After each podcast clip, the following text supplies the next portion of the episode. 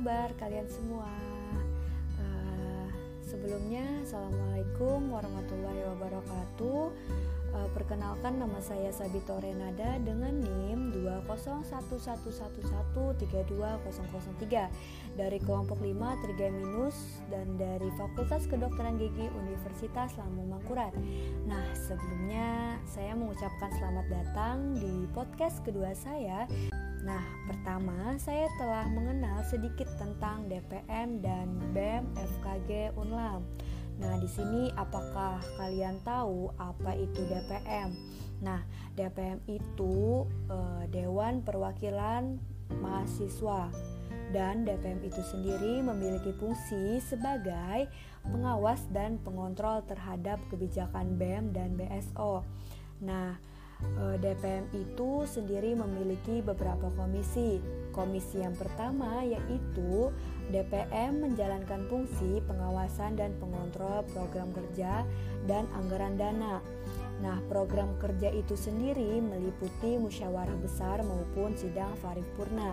Nah, selanjutnya ada Komisi 2. Komisi 2 ini DPM berwenang atas penelitian dan pengembangan di bidang legislatif. Nah, contoh program kerjanya e, meliputi open recruitment, pengadaan baju PDH dan studi banding. Nah, selanjutnya di Komisi 3 yaitu berperan sebagai penampung aspirasi mahasiswa terhadap jalannya program kerja yang dilaksanakan seluruh lembaga terutama badan eksekutif. Nah, contohnya di program kerjanya meliputi KPU, Bawaslu, dan bekerja sama dengan Kasrat BEM.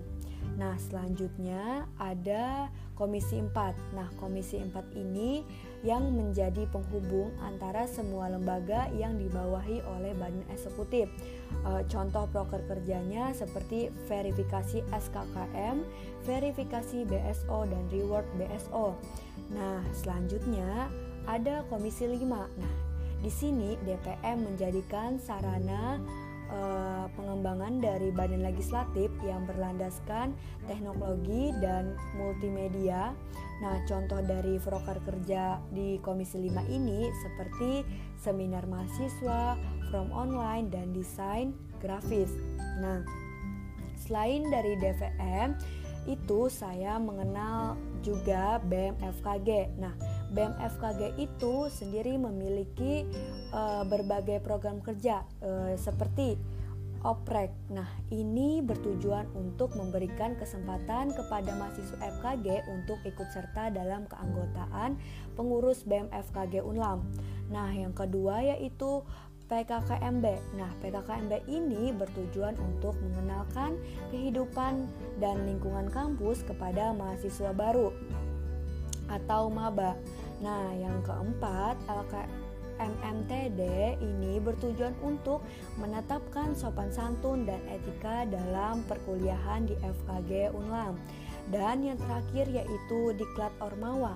Nah, Diklat Ormawa ini bertujuan untuk melatih bertanggung jawab, kedisiplinan dan kepercayaan diri.